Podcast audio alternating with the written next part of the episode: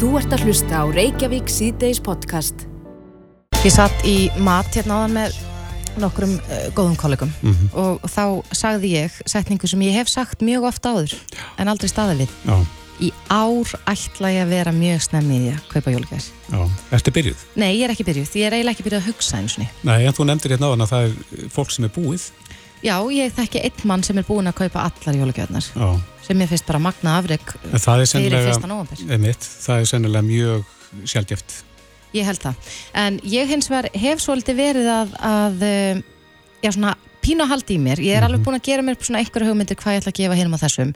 En ég veit að framöndan eru rosalegir tilbúðsdagar þó að sögumir kannski vilja halda því fram að þetta séu alls engin tilbúð. Nei. En um, hérna dagur einhleipra, mm Singles Day er 11. november og svo hérna síðar í mánuðinum eru um, ég ætla bara að segja Black Friday og Cyber Monday. Flestir skilja hvað ég er að tala um. Einmitt, svartur föstudagur Mis, og já og net mánudagur netmánudagur. já, já. Já, það geti verið. En hún veit kannski meira en þetta, svo sem er komið til að ræða við okkur um uh, þetta mál. Hún heitir Sigrun Rasp Sigurjónsdóttir, fórstöðum að rannsóknarsetus Vestlunarinnar, velkomin. Takk fyrir. Er það þín tilfinning að fólk sé að halda í sér eða hvað segja ykkar gögn? Okkar gögn, þau geta lítið sagt um hvort fólk sé að halda í sér, en þau geta hins vegar alveg sagt að fólk gefur mikið í, í nóvember. Það er hérna mjög merkilegt að skoða kortaveltugögnin sem við höldum utanum uh, í nóvember. Við skoðum þau vanalega með mánaðlegri tíðni og byrtum gögnum það, en í nóvember þá skoðum við þau með daglegri tíðni til þess að kanna hvernig þessi dagar uh, eru og síðastleginn tvö ár þá hefur það verið singulstegi sem hefur unnið keppnina. Það er alveg greinilegt að hann bera af og það hefur verið mest velta þann dag. Svo kemur Black Friday og Cyber Monday er hérna uh, síðastur af þeim, þó svo að veltan sé klálega meiri þann dag heldur en aðra daga nógumbur mánuðar. Og það er mjög hérna, afdrifiríkt að skoða sem sagt, veltu á netinu yfir árið og sjá hvernig nóvumber ber af. Þannig að þessi, þessi afsláttadagar í nóvumber þeir hafa mjög greinilega mikil áhrif á nýsluhæðun okkar.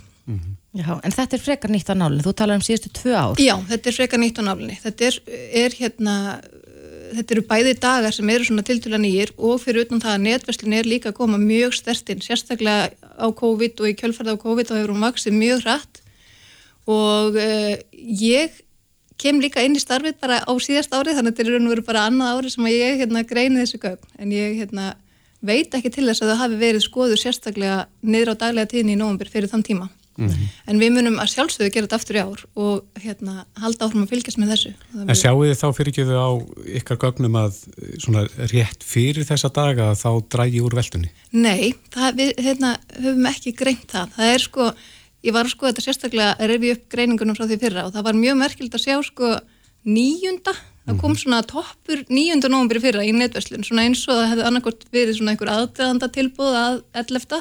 En svo, jú, það kom læg tíunda, en svo kom alveg mikil toppur 11. Er, er 11. þessi dagur einhleipra Já. erum við að tala um að þetta sé bara einn af stærstu dögum ársins í Í netverslun netverslun, já, algjörlega, langstæsti. Já. Já, en þannig að það er greinilegt af þessum gögnum að neysluháðan okkar hefur breyst vegna þess að sko, ef ég hugsa fimm ár tilbaka þá var ég ekki einu svona farin að hugsa um það að reyna að vera dugleg sko í november Nei, þannig að þetta hefur fært jólaverslununa aðeins það, fyrr. það getur verið. Það er hérna að vísu er velta í desember líka há miðað við aðra mánuð ásins En, hefur hún minkað svona í- eftir að nóvember var svona stór?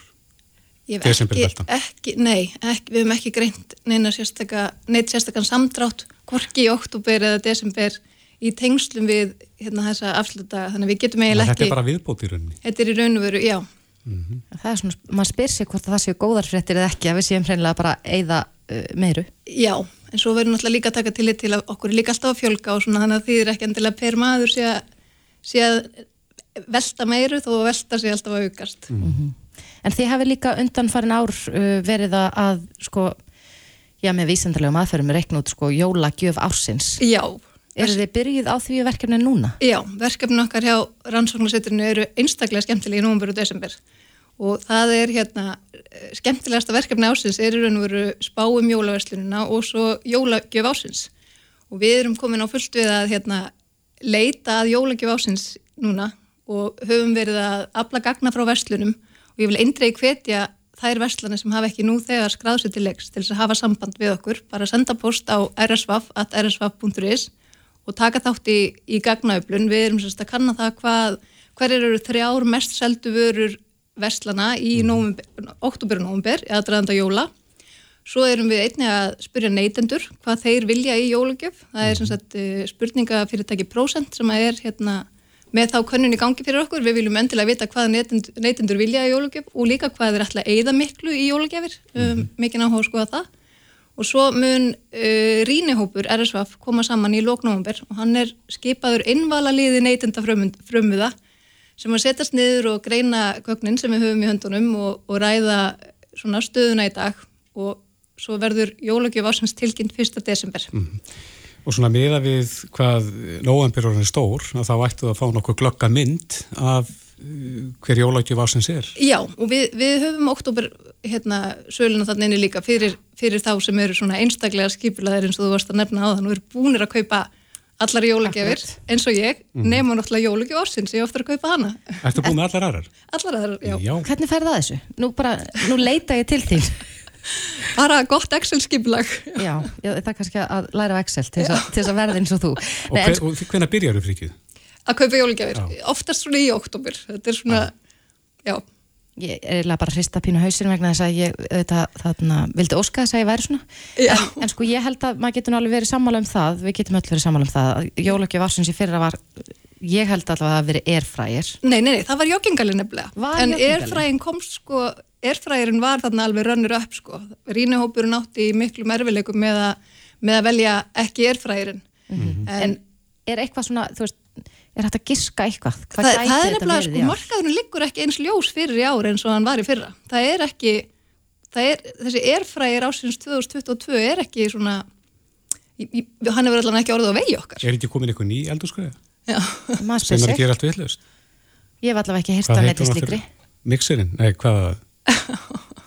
Nú veit ég ekki alveg hvað að, það það, tala það, það er eitthvað græja sem á að sko, leysa nánast öll önnur heimilistæki eldurstæki af hólmi. Já, ég hef heyrt líka að tala mikið um hérna svona eitthvað, skonar græju sem að reiksóar og skúrar Já, Það er kannski full það er robot. Já, en ég allavega, ég fór í brúðköpum daginn og þá var þetta efst óskalistanu hjá brúðhjónunum Já, en vill ykkur fá reyksugu í Nei, jólagjöf? við, nei örgulega ekki og við líka ákvæðum það hérna fólki sem vorum að gefa gjöfina við, við getum ekki gefið reiksugu og skúringavél í brúðköpskjöf Nei, þannig að við völdum eitthvað allt annað já. en þetta er grei- gríðarlega spennandi Þetta er mjög spennandi og mér langar að nota tækifærið fyrst að þið hérna kvöldum hingað, hingað akkurat í dag. Í dag er stór dagur hjá okkur í rannsóknarsetri Vestlunarinnar. Nú. Við sem sagt, opnuðum í dag tímamóta vef sem er notendavefur okkar sarpurinn.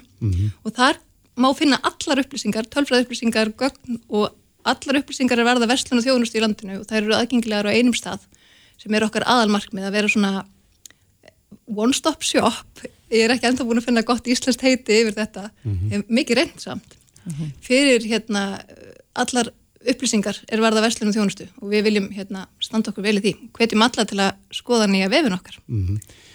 Já, hvetjum fólk til þess, en kannski rétt aðeins í lokin, það er ekki mörg ár síðan að þá hefur verið að fara í skipulagðar vestlunarferði til útlanda. Er það alveg liðin tíð?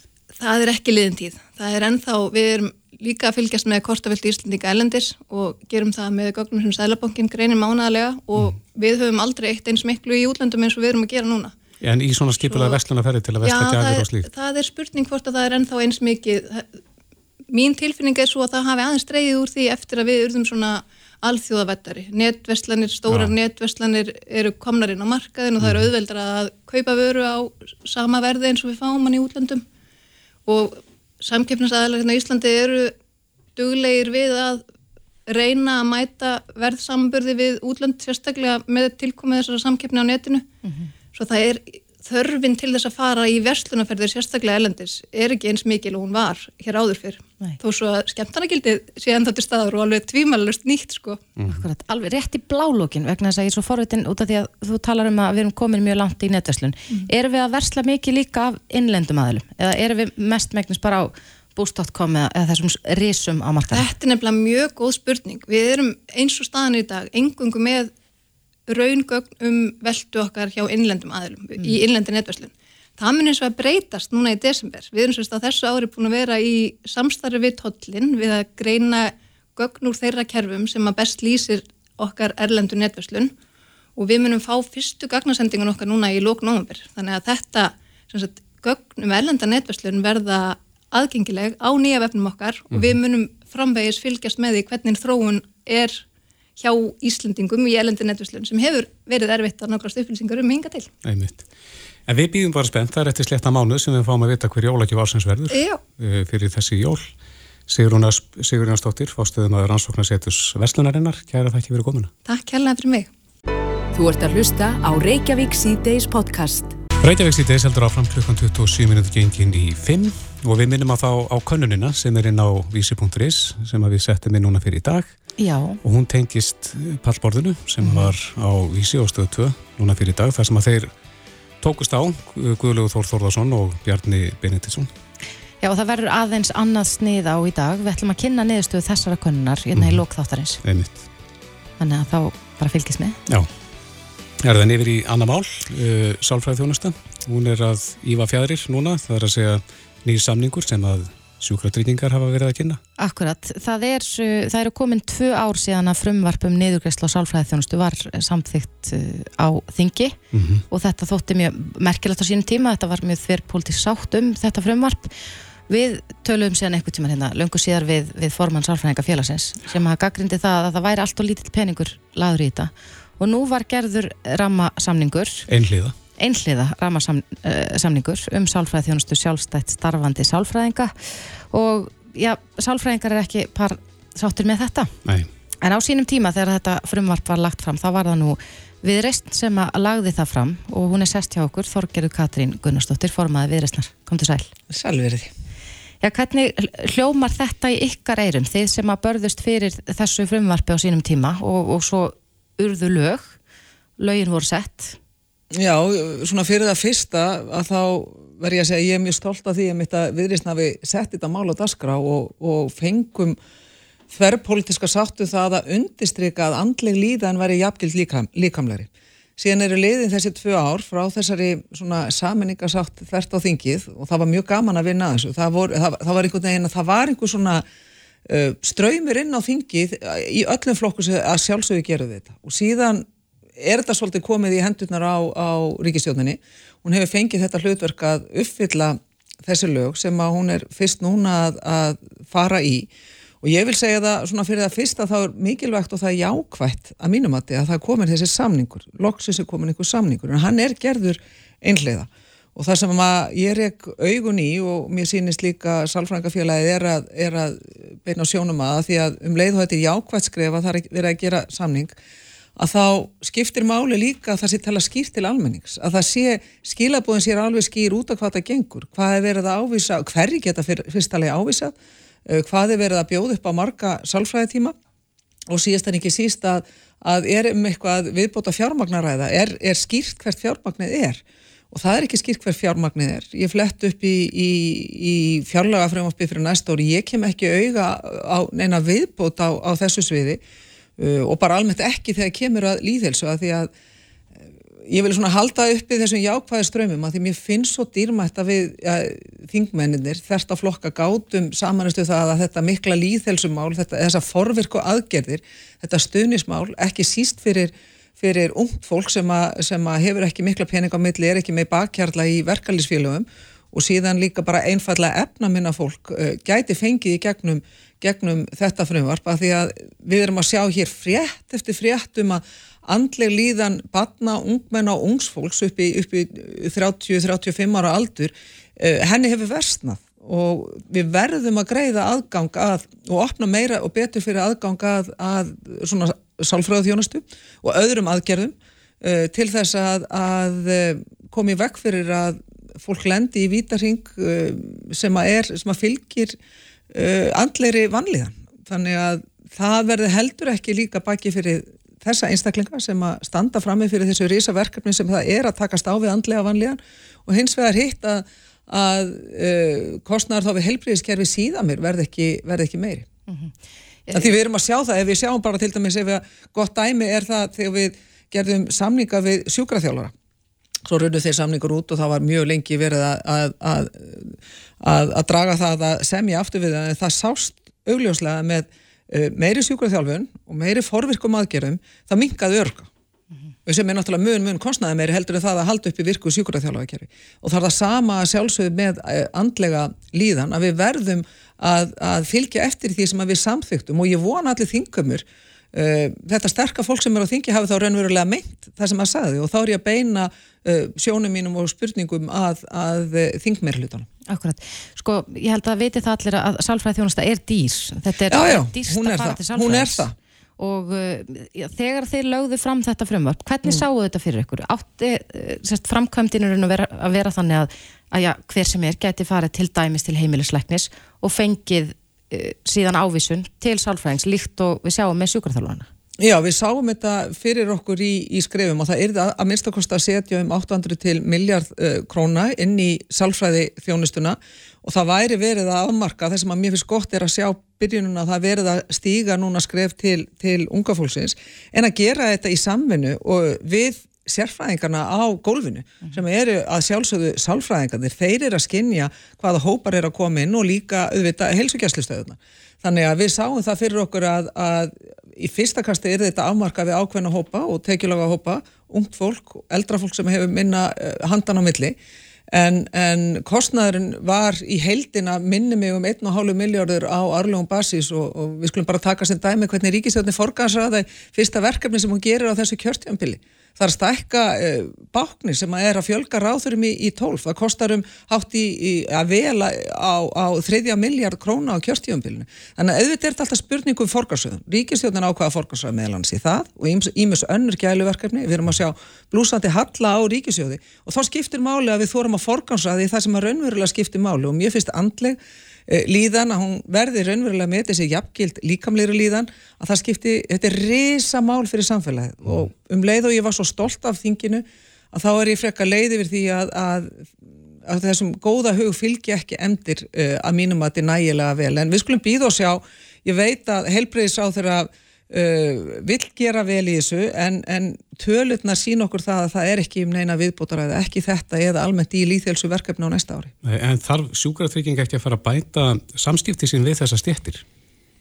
Þetta er ekki fyrsta sinn og ekki annars sem að, sem að maður heyrir að það er bara ekki rætt við þessa hópa sem að eru að, að semja við sjúkratryggingar. Já, ég held að, að hérna Ég til þetta að vera rétt hjá Kristófur og ég vonið sér ekki að móka neitt hjá sjúkratryggum en ég til mjög mikilvægt að sjúkratryggingar og bara almennt ríkistofnunni séu í samfunnu við fólkið út í, í, í samfélaginu, við fólk, sérfræðingarna eða fólki sem er að vinna eftir lögum og undir stofnunum eða í, í tengslu við stofnunir um, þannig að ég, já, það er tvímálist þannig það þarf að vera og þurfa að vera betri samskipti þarna á milli, það er, er ítryggu dæmi hvað, hvað þetta varðar Ég hefði líka vilja að sjá samskipti sjúkratryggingar með fullum stuðningi þá ríkistjónarinn en það var líka pólitísk bitminn á milli ríkistjónarflokkana bara það hvernig við ætlum að fara að vinna á bygglistum við bæklunaraðgerðir og, og fleira og þá uh, fengu heldur ekki uh, að mínum að til sjúkratryggingar nægilega mikið uh,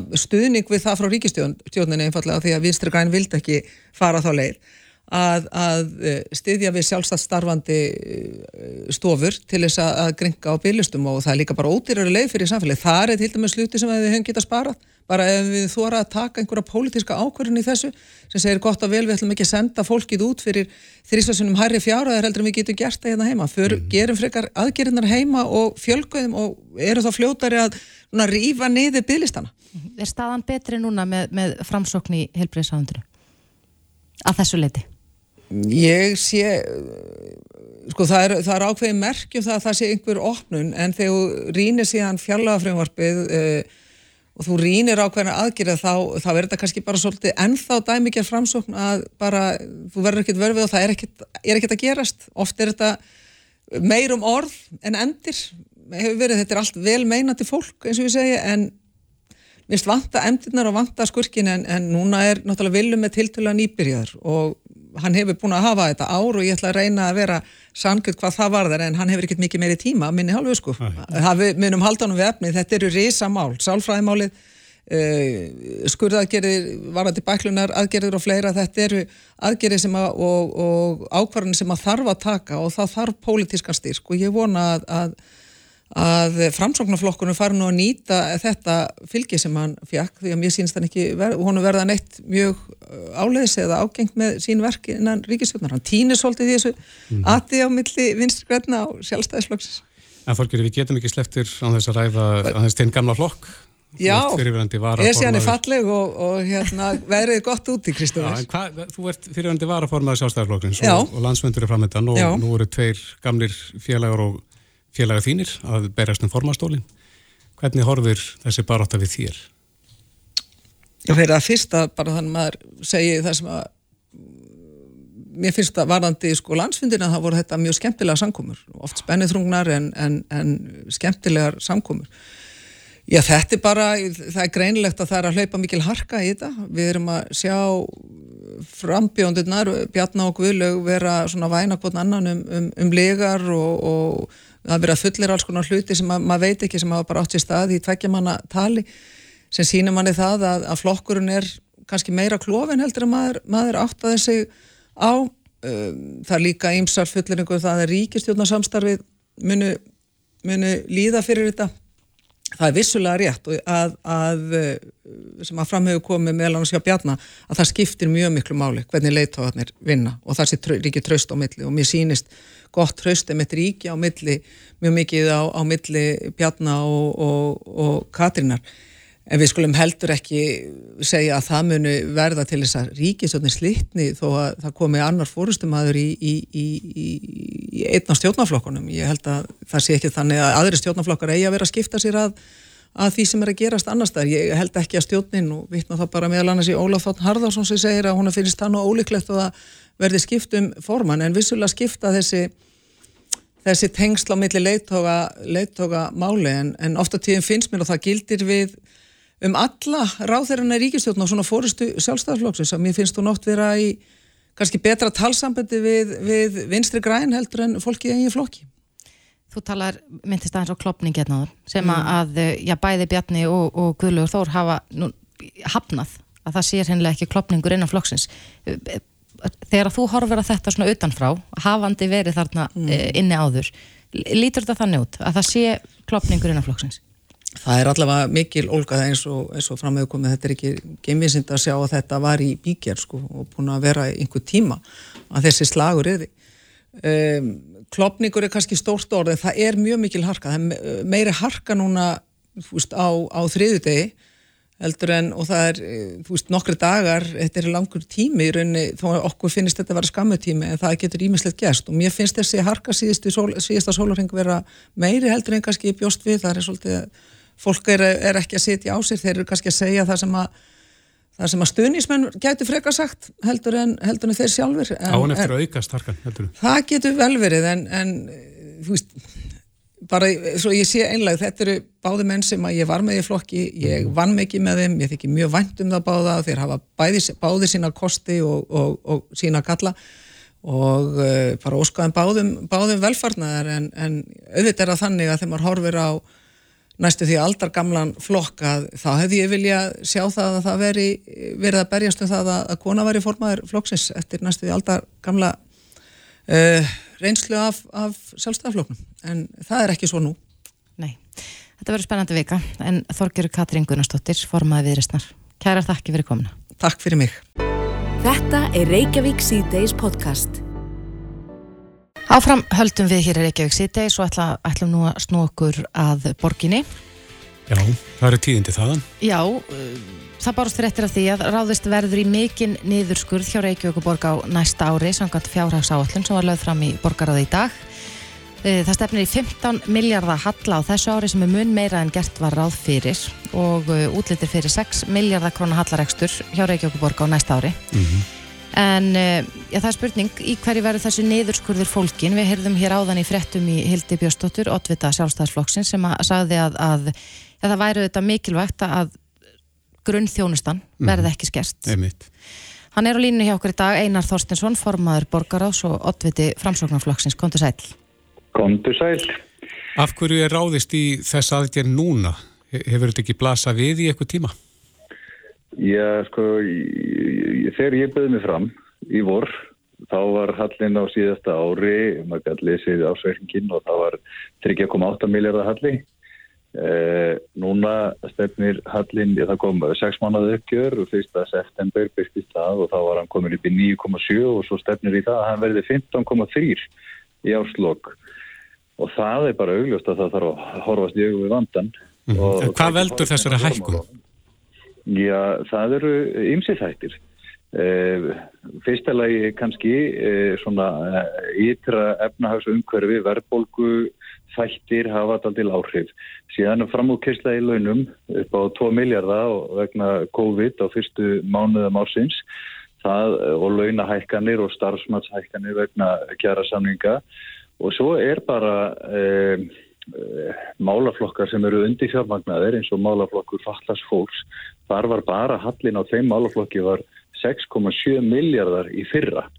Og hann er ekki minni núna e, þannig að e, við bara ákváðum að fara í rótækar hagraðingar aðgerðir en samt verðum að muna það að þetta er hormotölunar það er engin sko brjálaður niðurskurður það er bara stíf hagraðing mikið af þessu uh, snertir launakostnað hjá borginni. Við erum komin mjög hátt í launum með að við uh, tekjur og upp í 60% uh, sveitafélaginu öll er að glýma við þetta sama. Og þess vegna er við að innlega hérna ráðningarreglur sem að gera það verkum að í gegnum starfsmannavelduna, þegar það eru 11.700 starfsmenn sem vinna hjá borginni og það er alltaf einhver sem hættir og þegar fólk hættir þá þarf að rína það hvort það eigi að ráða í staðin, hvort það eigi að færa til starfsfólk eða færa til verkefni, uh, gæta betur aðhalds í öllum rekstri og við erum fyrst og fremst að leita inn á því. Uh, við viljum ekki velta þessu yfir á borgarbúa, uh, við þurfum að taka til hjá okkur fyrst og, og, og meta síðan stöðuna. Mm -hmm. Þetta er, er, er hægraðingar aðgerið sem að, að telja um 15 miljardar núna á næstu þremur árum og um, ég sínist að þetta séu næstu hægraðingar aðgerið sem að borginu hefur farið í, ég líklega bara frá hrunni. Akkurat. En einar verður uh, ráðist í einhverjar hægraðingar í efri lögum uh, hjá starfsmunum? Nú vonum við þetta öll að, að grunn þjónusta verði ekki skert og nú já, lengi er, hefur talað um leikskólavanda og annað slikt að þar sem mannekla. Já, Já, já, það er markmið og það er stefnan. Við erum að hlýfa grunnskólunum, við erum að hlýfa leikskólunum. Það er ekki ráðningarreglur sem að gilda um uh, leikskólana eða grunnskólana og velferðarþjónustu þar sem er undir mönnun. Eh, erum tvert á móti að reyna að ráða í þessa, uh, í þessa starfsemi vegna þess að, að við þurfum að koma börnum á leikskóla og tryggja bara lögbundin uh, lögbundnar skildur okkar. En öll svið þurfa að, að, að sæta hagraðingu með einhverjum hætti. Það er 1% flödd uh, hagraðingarkrafa á, á öll svið. En við erum ekki að reyfa við hérna mönnun á þar sem er undir mönnun Nei, en þú segir, einar, fyrir, fyrir ekki þú segir að þið ætla ekki að ráða eða hugsa hugsanlegt í störf sem að losna, það sem einhver hættir, en, en ætlið að fara í uppsagnir? Uh, ég held að það sé ekki, uh, ekki sko, sviðstjórar náttúrulega met, meta hvert uh, sitt svið fyrir sig og, og þeir hafa ákveðna fjárheimildir og uh, þeir þurfa að meta það sjálfur hvort að, að starfsmannafjöldin samrýmist þeim fjár heimildum. Það er engar hóp uppsagnir eða neitt slíkt uh, á ferðinni. Og í grunninn er þetta bara mjög svona skinsum, yfirveguð, uh, hafiræðing sem við erum að fara í. En við erum samt að, að setja þetta aldrei þauðtana í þetta og, og með festu og skýri sín til næstu, næstu árs og næstu fimm ára í þessari fimm ára plani og það er bara gríðalega mikilvægt að taka þetta förstum tökum. Og ég hef, uh, hef höfða til uh, fulltrúa minnihlutans um að koma við tilugur sem eru til hægræðingar en ekki bara einhverjar útgjaldartilugur eða skerðingu og tekistofnum. Þetta er bara, þetta er samvinnu verkefni að stýra þessari borg og við verðum að, að, að ná sátt og samstöðu um það að taka á þessum hallarekstri að því að hann gengur ekki til lengdar.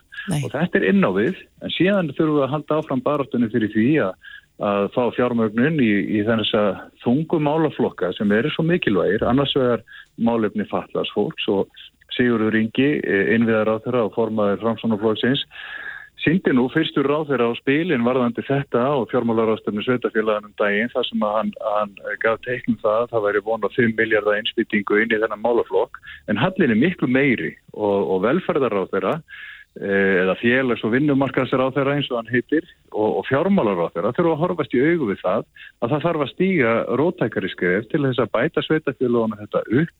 Að því að, að bara ef við horfum frá 2019 til uh, ársins í ár mm -hmm. þá hafur sveitafélagum sem eru undir eftirliti með, með uh, eftirlitsnefnd sveita, um fjármál sveitafélagana fjölgað úr 12 í 31 og þetta er bara út af þessum uh, þessum dýra málaflokki Akkurat. og svo er það málið við flóttafólk sem við þurfum að takast á við núna að tryggja húsnæði og skólaþjónustu fyrir börnin og tryggja aðlögun og, og stuðning þjónustu þetta er bara Það vantar aldrei eh, svona yfirsýnina og festuna hjá stjórnvöldum í að tryggja fyrstulega bara hvernig á að gera þetta mm -hmm. og hvernig sveitafjölugin eiga að geta tekist á við þetta fjárhastlega. Við þurfum uh, talsverða aðstof við þetta. Já, en einar, borgin hefur í gegnum tíðan að vera gaggrind fyrir starfsmannamálinn og, og að baknið sé að stækka og hér fyrir á, síða, á síðasta ári var auglist starf sem að vakti, já svona káttínu meðal margra á samfélagsmiðlum.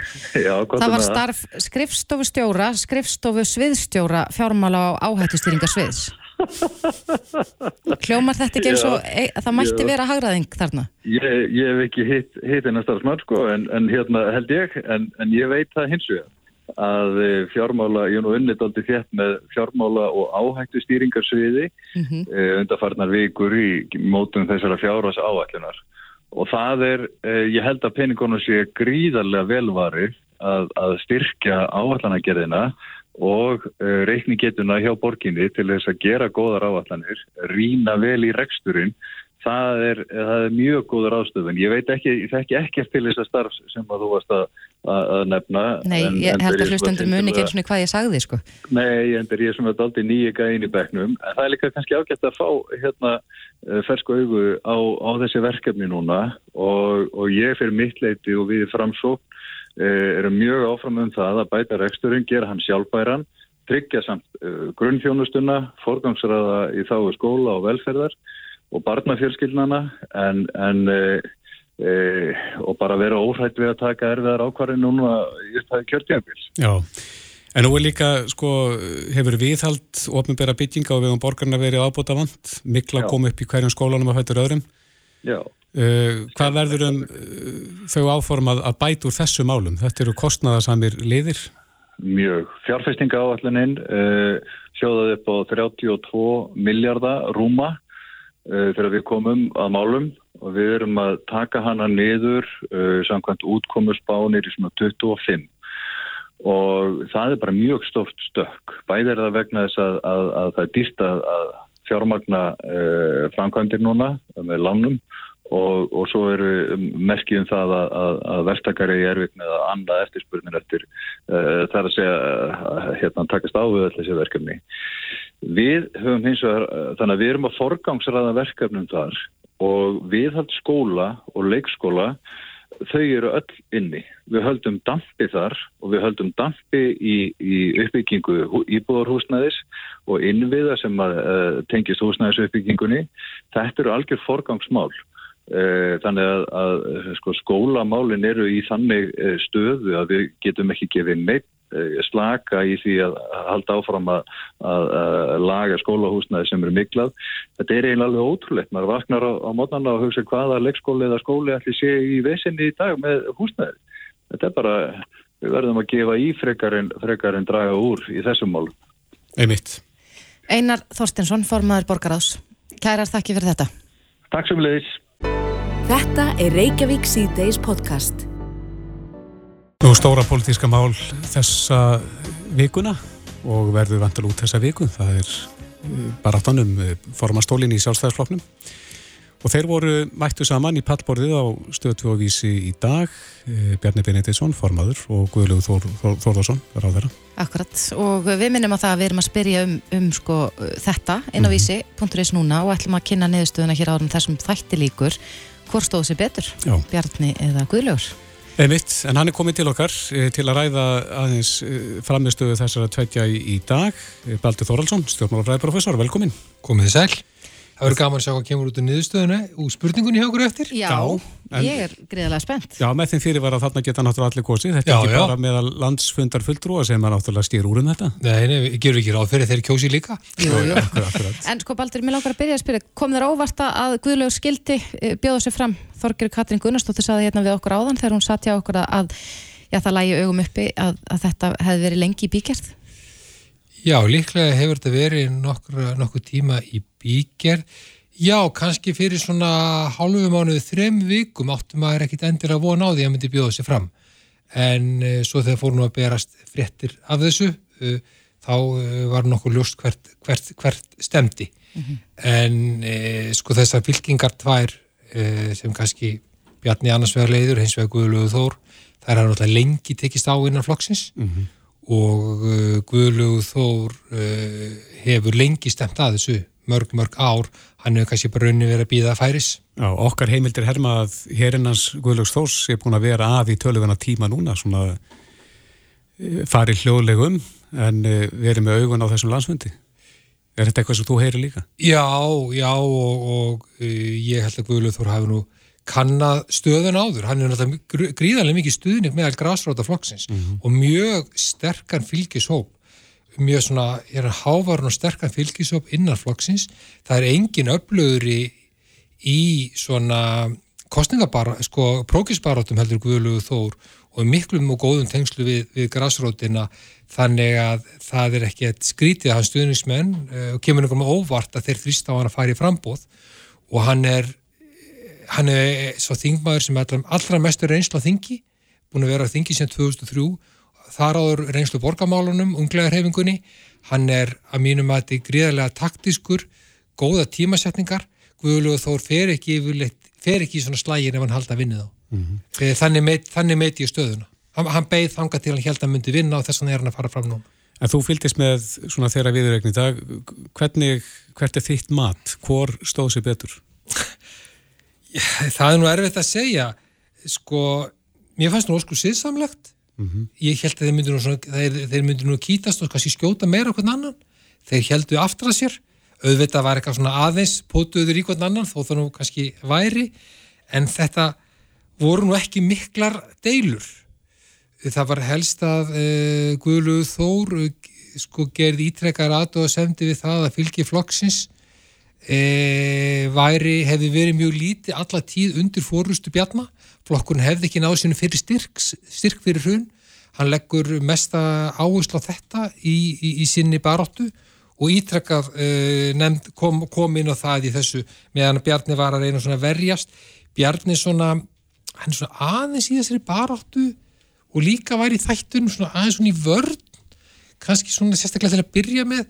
Einhvern myndi segja kannski óþarlega mikill vörn en svo kom, hann til þannig undir lokin og komið þrjumu ræðu öfluga framræðu held ég í lokin.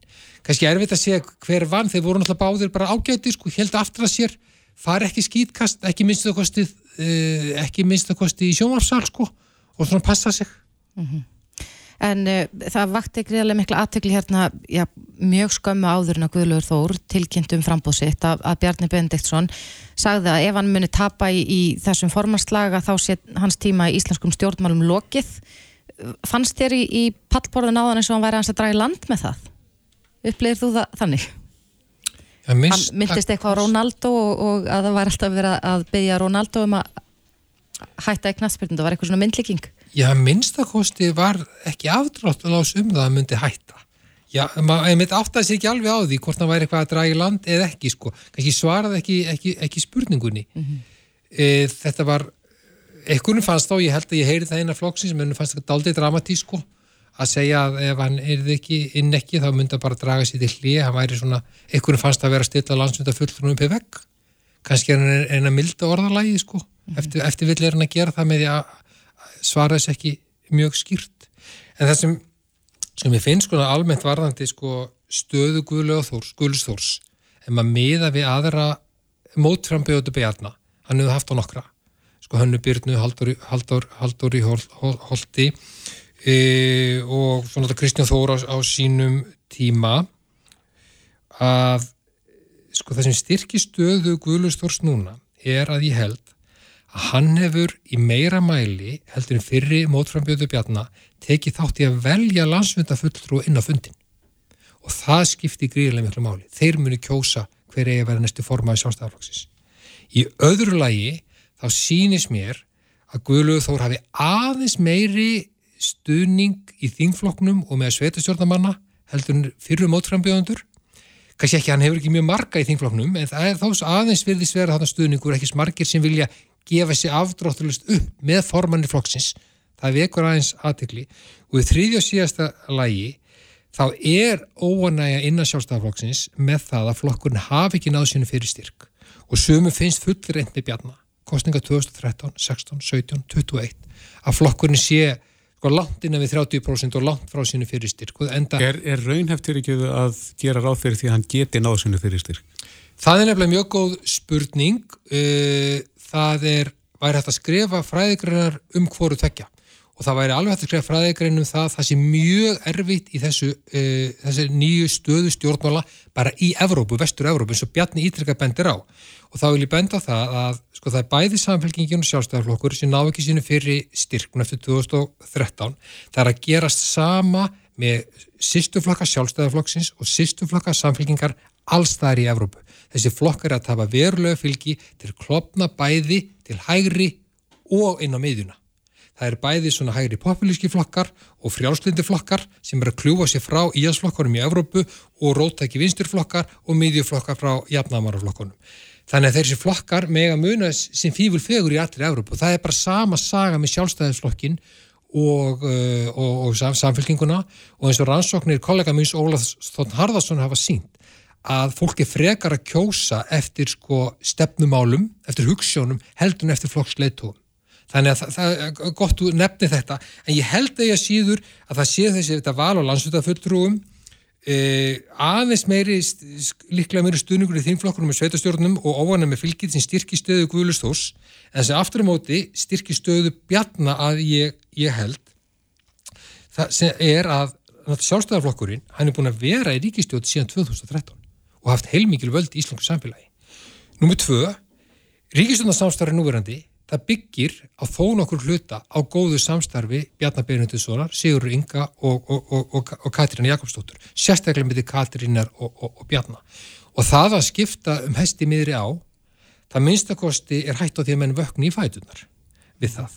Og þriðja og síðasta lægi þá, þá eru flestir í fórustislega flokksins sem styðja Bjarnar þrátt fyrir því að ég segði þetta á, það eru langt flestur í fórstu svetin sem stiðja bjarna og það er mikið leðtóka hotlusta innan sjálfstæðarflokksins. Það hafa leðtóka kjöru sínt sig, þannig að þessi þrýr það heiti styrkja bjarna í kjörunu. Mm -hmm.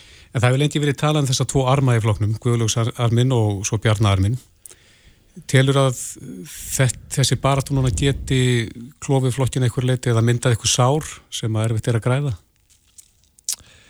Þetta er náttúrulega búin að vera þetta, það er mikið búið að ganga sko undan farin ára, ég hef sko ára tíi sko í svona örmum sem sem menn hafa verið fulltrúar fyrir. Ég, ég sé nú ekki enþá fyrir mér að flokkunni sé nú eitthvað að klopna, það er nú ekkit á því stígi því að það er mjög takmarkaður málefna ágrinningur á millið þeirra sko ég get ekki, ekki, ekki séð það nefn að annarkor þeirra færa að standa fyrir einhverjum hreinsunum að ef þeir eru vinna, þeir eru búin að vinna kjörið sem ég heldur mun ekki gera Nei. þannig ég sé nú ekki að flokkurinn sé að klopna en það verður mun taka tíma að græða sárin, þetta er mjög, þetta er erfitt flokkurinn er loka stafnan á milli heyri maður sko, mm -hmm. það er hart ekki stá Akkurat. Uh, í gær byrstist viðtalið Kristrún Heimistóttur uh, sem að starfaði fyrir Ingebrug Soluna á sín tíma um, hún sagði að þetta snúist ekki bara um hvort það er að, sko, þetta er ekki bara þessi formanslagur, heldur þetta snúist líka um það hvort það verður hreinlega blásið til þingkostninga í ár. Eins og þú varst að nefna með, með sko, þetta góða samstarf á milli Katrínar og Bjarnar ef að Bjarni verður ekki lengur formaður flokksins, er þetta tilmynd til þess að við bara uh, kjósum upp á nýtt? Í, það er ég nú ekki svo vissum sko, í því samhengi vil ég benda á sko þannig að sjálfstæðarflokkun sem er í þessu samstarfi. Og Guðlugur Þór hefur gríðarlega, ef hann er í kjöruleitói, hann hefur gríðarlega mikla pólíska reynslu, hann er í ríkstjórnini, hann er að vinna með öllu, öllu þessu fólki. Og hann hefur syngt sig að þengi starfinu sín innan ríkstjórna að hann getur vel unnið með vinst í grænum, samfélkingunni og, og, og, og framsá sko. Og hann er, hann er klóku stjórnmálamæður rétt eins og Bjarni og ég nú ekki alveg fram á það að sjálfstæðarflokkurinn myndi hagnast mikið á því að fara út úr þessu samstarfi svona 1, 2 og 3 ég sé ekki hvað það ætti að vera. Og það er er, það er að samanskapir það erfitt fyrir hana og ég sé ekki að fara að gera það að koma með einhverja skílusa kröfur um meiri niðurskur í velferðarmálum eða að lækka skatta. Það er líka erfitt að ætla sér að, ætla sér að, að gera það. Mér fannst ef eitthvað var í þættur um ána Guðlugu Þór vera kannski svona draga eins í land frá því sko frambásfundunum í Valhöll að hann vildi krefjast meiri aðfalls í ríkisrekstri strax eða þegar meiri sko skattalækana mm -hmm. ég held að mér finnst aðeins að milda tóni hvað það varðar en það koma menn ekki þannig inn aftur á borðinu í ríkistjónarsamstörn og krefjast þess mm -hmm. en það er náttúrulega búið að semja um þessar hluti svona stóru línutnar mm -hmm. þó náttúrulega hvert fjárlega fyrir, fyrir sig skiptir náttúrulega máli og hver leiðir þá vinnu sko Einmitt. Rétt eins í lókjumbaldur, þú eru að spá fyrir um hvernig þessi baróta fyrr? Það er ómögulegt að segja, segja til um það. Það hefur verið mjög mjótt á mununum áður. Það var mjög mjótt á mununum þessi milli sko bjarnar og, og hönnuburna á sínu tíma. Marki töldu nú til dæmis þegar, þegar uh, var Þorstein og David tókust á. Þorstein var í yfirburðastöðu þegar lands, landsfundar fulltrúar mættu til, til samkominnar í lögatsföll á sínu, sín, sínu tíma. Daví hefði alveg unni, hefði alveg unni hins vegar kostningabaráttun á, á fundunum. Þannig að við getum sem margt bara gerast einfallega á fundunum. Ég held mér að segja bara ræður þeirra e, á, á fundunum muni skipta máli. Hvaða bóðskapið senda frá, frá, sér, frá sér á þeim fundu og hverju þeir lofa flokksmunum það eitt og sér gæti skipt sköpun því að ég held að sé ekki það mikil munur á þessum fylkingum einar flokksins. Þetta verða spennandi kostningar. Mjög, mjög spennandi.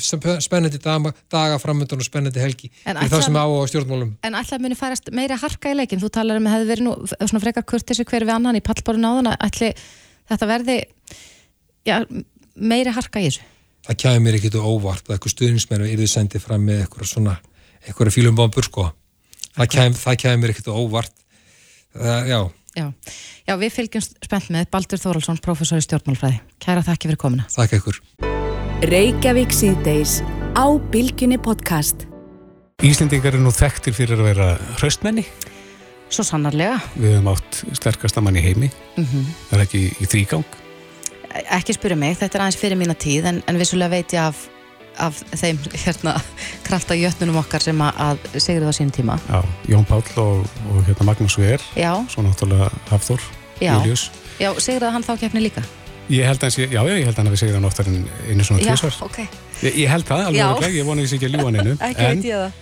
En e, það hefur alltaf verið talið svona að vera keppni í hraustleika að fara í sjómann. Mm -hmm. margi sem hafa stundar þetta og sumir á böllum með þess að segja gegnum árin, ára tíðina Þú skoraði nú að mig hérna í kaffikróknum um daginn. Já, tapaði ég. Nei, ég þorði ekki mannstu, en þú, þú fóst í sjóman við Jóhannes og, og þú vannst. Já, þetta er bara uh, þjóðarsport í augum sumara. Já, svo sannlega. En vissur það að við egnuðumst heimsmeistara í sjóman? Nei, hvenar? Ekki alls fyrir löngu. Það var haldinn heimsmeistara í Tyrklandi -hmm. og uh, hann kom sá og sigraði þar Haraldur Geir Hlaðversson hinn sterkki eigamaður og Haraldur er á línu, kom til sæl.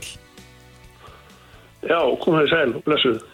Já, þú gerði þig lítið fyrir og, og vannst er það ekki heimsmeistari titilinn í sjóman á vinstri hendi í Já. 60 pluss. Já.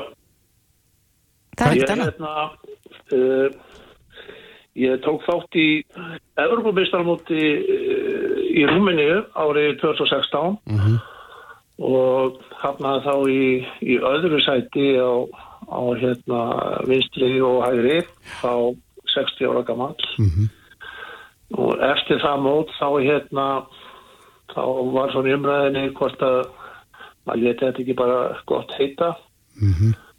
og konan spurði maður því nei, ég, ég var að verða heimsmeistari og þannig að það lág alltaf fyrir að ég ætlaði ekki að hætta þarna mm -hmm. Og síðan heikst að ég nú aðeins ég hérna sama ár 2016 hann reynir sér með, með krabbamin og, og hérna e, stoppa með þessa og það var tekið úr með hann nýrað. En, en sem betur fer reysi ég frá því og held þessu nú alltaf eitthvað við og, og var alltaf með huga með þetta. -hmm. en síðan kemur COVID og þá falla niður mót og þannig að þetta var svolítið svona í, í lausu loftar saman en síðan hérna núna í, í vetur þá að ég hef aldrei farið til Tyrklands þá mm. hérna fannst mér tilvalið að, að hérna koma þess að stað aftur og setti mig í gang fyrir það og, og, og svona fór að þjálfa mig skipulega sérstaklega í sumar og Þannig og sapnaði saman þarna mínu, mínu fólki sem er nú eða bara fjölskylda mín og við fórum hann út sem sagt núna í, í 13. oktober þar sem að móti var haldið í Antalya og stóð þarna yfir í, í tíu dagar og þarna voru yfir 1100 keppendur frá 55 þjóðum. Já, stór keppni. Og Þannig, er það eh, gerð sko að það eru haldin úrtöku mót í öllum aðiltar löndónum í bara út um allt og þannig að það er valið í, í landslið út frá þeim, út frá þeim keppnum. Mm -hmm. Það var ekki flóki hjá mér þannig að, að hérna ég var, var síðuveðari að ég, ég var alltaf bara að keppa í sjálf á mig þannig að það var ekkert úrtökum mót bíða sko í bílgúrnum Nei, en hvernig æfum að þessi fyrir svona keppni? Já, sko ég hérna best æfingin er að, að hafa einhverja, einhverja æfingafélaga. Það er, það er langt best en, en hérna undanfarið ár hef ég ekki haft það. Ég var hérna, voru tvei félagar mínu fyrir voru hérna fyrir nokkur máli síðan eru reynda burt fluttir. Og þannig að þegar þeir fóru þá mm -hmm. hef ég nú bara verið einn að, að slíma við sjálfa mig. Og, og það gerist eiginlega bara með því að, að búa til átagshort með, með hverju sem er og jáfnveil með ég nota það allt sem til þetta er, tegjur og reyðhjólaslöngur og, og hérna allt sem að hugsa sketur til þess að að hérna styrkja þessa vinkla. Og ég greindi eftir ég tapaði, náði bara öðru sæti þarna á, í Rúmeni 2016 þá fór ég það akkur í tapaði og, og hérna ég fór bara að greina mína styrkleika og veikleika og, mm -hmm. og fann út það að ég þurfti að laga ákveðið og ákveðna hluti og það greinilega svínvirkaði núna þegar ég tók þátt í þessu móti Já, svo sannarlega, en, en sko hvort er þetta meira spurningum um styrk í framhandlegg eða upphandlegg? Eða er þetta sambland af báðu? Já, ég myndi, ég myndi segja það og en þetta er samt sko þannig að þetta er það sérfælt sko að þó að einhver sem tekur 200 kíló í bergpressu hann þarf ekki endilega að vera góður í sjóman það er Nei. kannski frekar að þú getur hýftið upp kannski 30-40 eh, sinna þá er svona meiri líkur að þú getur staðið einhverjum í, í sjóman en, en þetta er samt þannig það er svona slila reyfing og úlur og, og það er svo margt sem spilar inn í þetta að það er alveg með ólíkinn Er auðvelt að slasa sig í sjómanni? Já, já, það er þetta með að síðan eins og líka eins og, öllu öðru sko. En maður hefur sér myndbönd það sem að handlikir einfallega fara bara í tvent? Já, það er til sko að það, heit, það er einn stað sem heitir break position í þessu á, á vondri íslensku en það er yfir staðar sem að menn lenda í þegar þeir eru í tapstöðu og dómar að reyga að vera meðvitar um það að menn eru komnir hann stað og þeir eiga þá stöðva glíman og þegar þegar út í það er komið. Já, en þú ert heimsmeistari semst í sjómanni á, á vinstri Já. þú ert sterkari samt í hæri, er það ekki? Jú, ég hérna ef við svona segja, ég sé skárði í hæri, í hægri hendinni mm -hmm. og hérna það komir óvart að ég skildi, skildi vinna að þarna á vinstri hendinni og ég hugsaði mér vel og gott í blóðurinn þegar keppnin byrjaði á hægri hendinni en því miður þá, þá meðið mig í fyrstu klímunu og, og hérna endaði með því að ég var nú að bara að draga mig úr keppinni það var, já, já. Það var eitthvað sem að, sem að gaf sig. Akkurat. Já, við ásköðum þetta til hamingju með heimsmeistaratitil en það er ekki á hverjum degi sem að vera heimsmeistari í nokkrum sköpum hlut. Nei, og það er sko það er eflag að, að ná þessu að standa á, á, á hérna veljunapalli með íslenska fánan, það mm. er það er bara opbóstlega gefandi og hlust á ís, íslenska þjóðsöngin og hérna þannig að það er, það er bara upplifin sem maður vill ekki missa og hún er ekki hún er ekki hverjum degi sko. Nei, Haraldur, ég veit að Aldur er nú bara að tala og hann er, er, hann er afstæður, Aldurinn, en hvað erstu gammal? Ég er 66 ára gammal. Það er ekki neitt. Svo menn segja hérna, ég fæ fríkt í Dalín á næsta ári. Já. En hérna, en það er sko, þetta er bara eins og með þetta, hérna, uh, það er að gera hlutina hæfilega og, og þannig að þeir, þeir gera manni gott, það er aðlatrið og það er að finna það út hvað, hvað gerir manni gott. Já, en er ekki að verja titilinn í næstu kefni? Sko, það er næsta mót er í Kazakstan, ég veit ekki hvort að ég, hvort að ég er tilbúin að fara að þanga, það er Evrópumeistaramót í, Moldó held ég næsta vor. Já, stefnir á það. Það fer svona eftir í hvernig, hvernig ég verð stattur á, á hægra hendinni og hvort að ég, hvort ég hérna, því verður rónu sæmilag góður, þá er ég kannski tilbúin að fara bara að þanga og keppa aftur á vinstri. Ég er hérna ég hérna uh, fóð nokkuð létt með þetta ef ég, svo ég segi sjálfur frá þá var þetta tilbyrlu auðveld þannig að það var bara það getur verið spennandi ef að, ef að hérna svo er undir Einmitt. annars í þessu móti er sko það sem að var mér fannst það skemmtilegast að þess að tvo daga sem ég var að keppa þarna þá voru að keppa á sama sviði eða sem sagt fallaðar einstaklingar sem voru þá annarkoður börnum í hjólastól með, með einhverja, einhverja uh, fallum þannig að þeir gátt ekki staðið mm -hmm. eða þá uh, með einhvers konar uh, hérna öðruvísu fallu sjónskertir eða, eða heitnandauðir og það var ótrúlega gaman að fylgjast með því og ég myndi halda bara svona fyrir, fyrir íslætinga og fyrir, fyrir okkur sem að sem að hérna búum og, og, og eigum falla einstaklinga þá er þetta, það þarf svo lítið til þess að, að, hérna, að æfa sér þessu og búnaðurinn er eiginlega engin í kringum þetta. Mm. Þannig að eh, ég myndi bara vilja varpa því til íþróttasambansfallar að, að hérna, skoða þetta alvarlega og mér sýnist það að það sé í pípunum að það verði keft í, í, í armwrestling hérna fallaðara mm -hmm. Á næstu olimpíuleikum í Los Angeles 2028. Og er maður að gera fara, bara að byrja að æfa sig fyrir það? Já, það, ég meina, þetta er bara, þetta er alveg, þetta er alveg deilum ljósara, þetta er öruglega íþó sem, sem er mjög auðvelt að, að koma við og og gerir bara eh, fólki sem er, er, er start á þessum stað bara virkilega gott að geta, geta gert eitthvað svona. Einmitt. Enn og aftur til hafmyggi með heinismestaratetilinn Haraldur Geir Löfversson. Kæra þakki fyrir spjallið. Takk sem að leiðis, verðið sæl. Hlustaðu hvena sem er á Reykjavík C-Days podcast. Við erum búin að vera svolítið pólitísk í dag. Já að tala um málmálana í sjálfstæðsflokknum mm -hmm. og við ætlum að kynna niðurstöðu í konunni okkar sem hefur verið í gangi síðan að pallborðinu laug en að vísi.is mm -hmm. en nú ætlum við að snú okkur að allt öðru málefni. Já, e, margir kannast eflust í það að stökusinnum, sem er kannski oft að fá bauga undir auga Akkurat, já og e, vita kannski ekki hvernig á að snúa sér eða hvað veldur Nei og ég held að, að mjög margar konur kannast við það að kaupa hiljara, mm -hmm. að setja einhvers konar lýsingu undir augun til þess að, að draga úr, úr þessu, úr þessum þrótanum. bláma og mm -hmm. þróta. Mm -hmm. En sko, hva, hvers vegna fær maður bauga? Það er stóra spurningin Já. og er hægt að losna við á. Á línunni okkur er Janna Huld Eisteinsdóttir, húðleiknir á húðleiknarstöðinni. Góndu sæl. Já, komið í sæl. Þetta er eitthvað sem að lítur að snert okkur nánast öll. Fáum við ekki öll einhver tíma að bauga?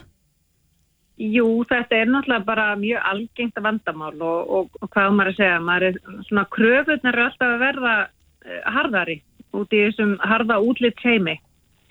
Þannig að það eru fleiri sem er að, að sækja svona til lækna út af þessu vandamáli. Mm -hmm. En er einhver svona ráð, bara svona heima fyrir? Mér finnst eins og einhver tíman var manni sagt að maður ætti að leggja gúrkusniðar á augun. Virkar það? Það er svo sem alveg, sko, ef maður er að fá þróta eða bjú, sko, undir augun, þá mhm. getur alveg svona að kæla haft áhrif og, og svona rétt sogaðan upp. Mm -hmm. En hvað er það sem að veldur þessum þróta og, og bláma? Svona baugar undir augum stafa bara af nokkrum þáttum. Í, í fyrsta lagi og sterkasti þátturinn er náttúrulega erðir Við, við erfum andlisbygginguna bara frá fórildrum okkar og þar með talið beina uppbyggingu og þygt og staðsetningu fytuvefjana og, og sumir er einfallega bara með bauga frá barsaldri. En í öðru lagi er húðin mist þykk á, á auksvæðinu, hún er náttúrulega mjög þunn, eh, nálægt, mest nálægt auganu og þinnist með árunum. Og þá náttúrulega sjáum við meira æðarnar og, sem gefa þennan blárauða, Akkurat. eða sem sagt bauða. Þeir, þeir sem, þriðja- já, fyrir ekki. Og svo í þriðilegi þá svona minka líka þessi stóðvefir sem þessi liggi í óttóftinum aldrin, svona eins og fytan og, og þá virðast við vera svona hólari, mm. þess að þá kemur skuggi líka, ekki bara liturinn heldur líka skuggin þetta svona voljum tap eða uh, tap á, á stóðvefum En akkur tengjum við þetta svona oft við uh, lítinn svepp? þannig náttúrulega geta allir fengið svona svolítið á, meira ábyrjandi bauga ef, að- ef að við sofum ítla. Þannig að það er ekkit skrít að maður tengi þetta við uh, hérna slæman svepp. En náttúrulega fólk sem að hefur með kannski bauga frá barsaldri líður svolítið fyrir þetta. Að það er allir alltaf að spurja viðkomandi, svarstu ítla og, og kannski af umhyggju en svo er þetta í rauninni skipti kannski ekki máli fyrir þennan aðalega hvort hann svaf ítla eða ekki, hann er alltaf með þessa viðvanandi bauga sko. Akkurat, eitthvað sem að tengist þá bara erðum. Já, já. En, en eh, sko með við það sem þú sagðir áðan, verður þetta meira með aldrinum ef að húðin þinnist og, og, og Já, Já. Þa, það gerir sem að þetta verður meira ábyrjandi með aldrinum og sérstaklega við, þegar við förum að tapa þessum fytuvef sem sagt úr kinnunum og, og, og svona við auksvæði og þá getur ótt orðið svona, maður verður svona hólari og kemur skuggin líka sem ígir ennþá meira baugana sko. Mhm. En er eitthvað hægt að gera eins og til dæmis, ég, ég manu eftir því að, að mér var sagt þegar ég var 25 ára, nú væri tíminn til þess að byrja að nota augkrem. Er, er, þetta, er það bara út af hrukkum? Eða getur þetta Já. dreigið úr þróta og bláma? það er náttúrulega mjög svona, eh, hvað maður segja, á reiki, hvort að maður eigi að nota sér aukkrem eða ekki og, og sem við erum meina að það sé sölumennska en í raunin er þessu aukkrem þau eru bara í öðrum samsetningum heldur en almenn húð, sem sagt, andlitskrem því að þetta er viðkvæmari húð, við erum í sjálfs ekki með neina fytukirtlaðna eða neitt, þetta er bara mjög viðkvæm og þurr húð, þannig að, að það er bara sett í öðru þessi samsetningum aukkremin heldur en velju andliskremin. Þannig að sum, sum aukrum virka ágætlega en veist, þetta er ekkert einhver töfralaust nýfilegt en getur alveg hjálpa. Nei, þannig að ef að maður hefur verið með bauga allt sitt líf að þá eru kannski rándir augkrem ekki að fara að bjarga málinu. Nei, einmitt, en þau geta fyrirbyggt. Þau geta fyrirbyggt einmitt það sem gerist með, með aldrinu, veist, og passa einmitt að sólinn fari ekki á mikið á, á veist, það er náttúrulega veldur ennþá meiri hrukkum og svo fremmis, þannig að, að hérna, já, En er hægt að uh, minka þetta með lítaðaðgerð? það er svo sannlega hægt að gera ímislegt í baugum, þú veist, í dag. Þetta er vikant svæði þannig að maður þarf að velja aðgerðar aðilan mjög vel og þetta er í rauninni bara eitthvað sem við erum alltaf að gera til dæmis á húleiknastöðunni að, að leipina fólki hvert á að leita fyrir bara eftir hvaða vandamál er hverju sinni, sko. Akkurat. En, en hvers slags sko, læknisaðgerðir eru það? Nú hef ég einhvern tíman uh, lesið um að það var ansi vinsælt í bandaríkunum að hreinlega setja eins og ljóst húðflúr undir augun. Já, ég myndi nú ekki mæla með því en, en það er í rauninni það sem að, sérstaklega ef að það er mikill blámi og skuggi þá náttúrulega geta fyllefnin bjargað mjög miklu. Að setja pínulítið af fyllefni þarna undir og kemur meiri ljómi og, og svona meiri fylling í staðin fyrir fytupúðan sem kannski vattar svolítið. Og einn er til aðra meðferðir eins og heitir Sunikó sem er svona húðmeðferð þar sem maður sprauta hýrnarsýru og aminosýrum alveg í kringum auksvæði sem getur byggt svolítið upp húðina og örfa, örfa þannilega kálaginu en ef að það er mikið póki, aukkpóki þar að segja svona bjúur sem sapnast að þá er maður komið meira út í lítaðgerði. Mm En kæli meðferð? Sko kæling getur alveg haft góð áhrif ef þú ert með sko bjú en það gerir náttúrulega ekkit við litnu. Nei. En skipti máli hvort þetta komi annars slægi til dæmis ef maður fær ekki nægan svefn eða þeir sem eru kannski búin að vera að fá sér hans í tanna eða eitthvað slíkt?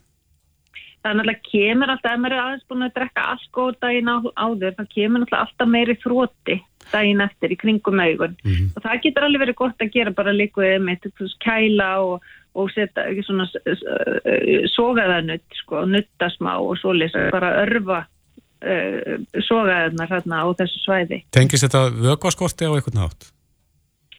Það í rauninni, náttúrulega, ef þið erum ekki með góðan vögva eða hefum ekki ekki ná miklu vatni þá náttúrulega auðvitað lítur, eh, líður húðins kannski svona almennt fyrir það. Mm. Þannig að það er alltaf gott að vera með góðan vögvabalans. Akkurat. En Janna, þú sagði hérna að þetta væru útlitskröfunar orðnar, já, ansi harðar, uh, svona á, á, á setni árum. Uh, er, mm -hmm. Leitar fólk til þín með, með svona vanda og vill, vill reyna að minka böguna og nennir ekki að nota þessa hefbundnu já, hiljar að eitthvað snirtuverur. Já, við finnum alveg fyrir því að þetta er alltaf verða yngra og yngra. Það eru yngra og yngri einstaklingar. Þegar, veist, það, það er bara, þetta er svona bara þróun sem að maður er virkilega að hugsa yfir. Það er, er bara á þessu síðust áru með, með tilvist þessar samskiptamila, Instagram og fleira það er orðið óbúrslega, hvað maður að segja, það er orðnar óheirilega mikla kröfur um að vera með fullkomna húð og, og það er á með þetta sko. Akkurat. Já, það er auðvitað ekki góð þróun en, en þetta voru ímis, já, góð ráð fyrir þá sem að, að vakna stund með bauga. Já. Janna Huld Eistensdóttir, húðleiknir á húðleiknastöðinni. Kæra þakki fyrir þetta. Já, takk sem leiðir. Reykjavík síðdeis á bylginni.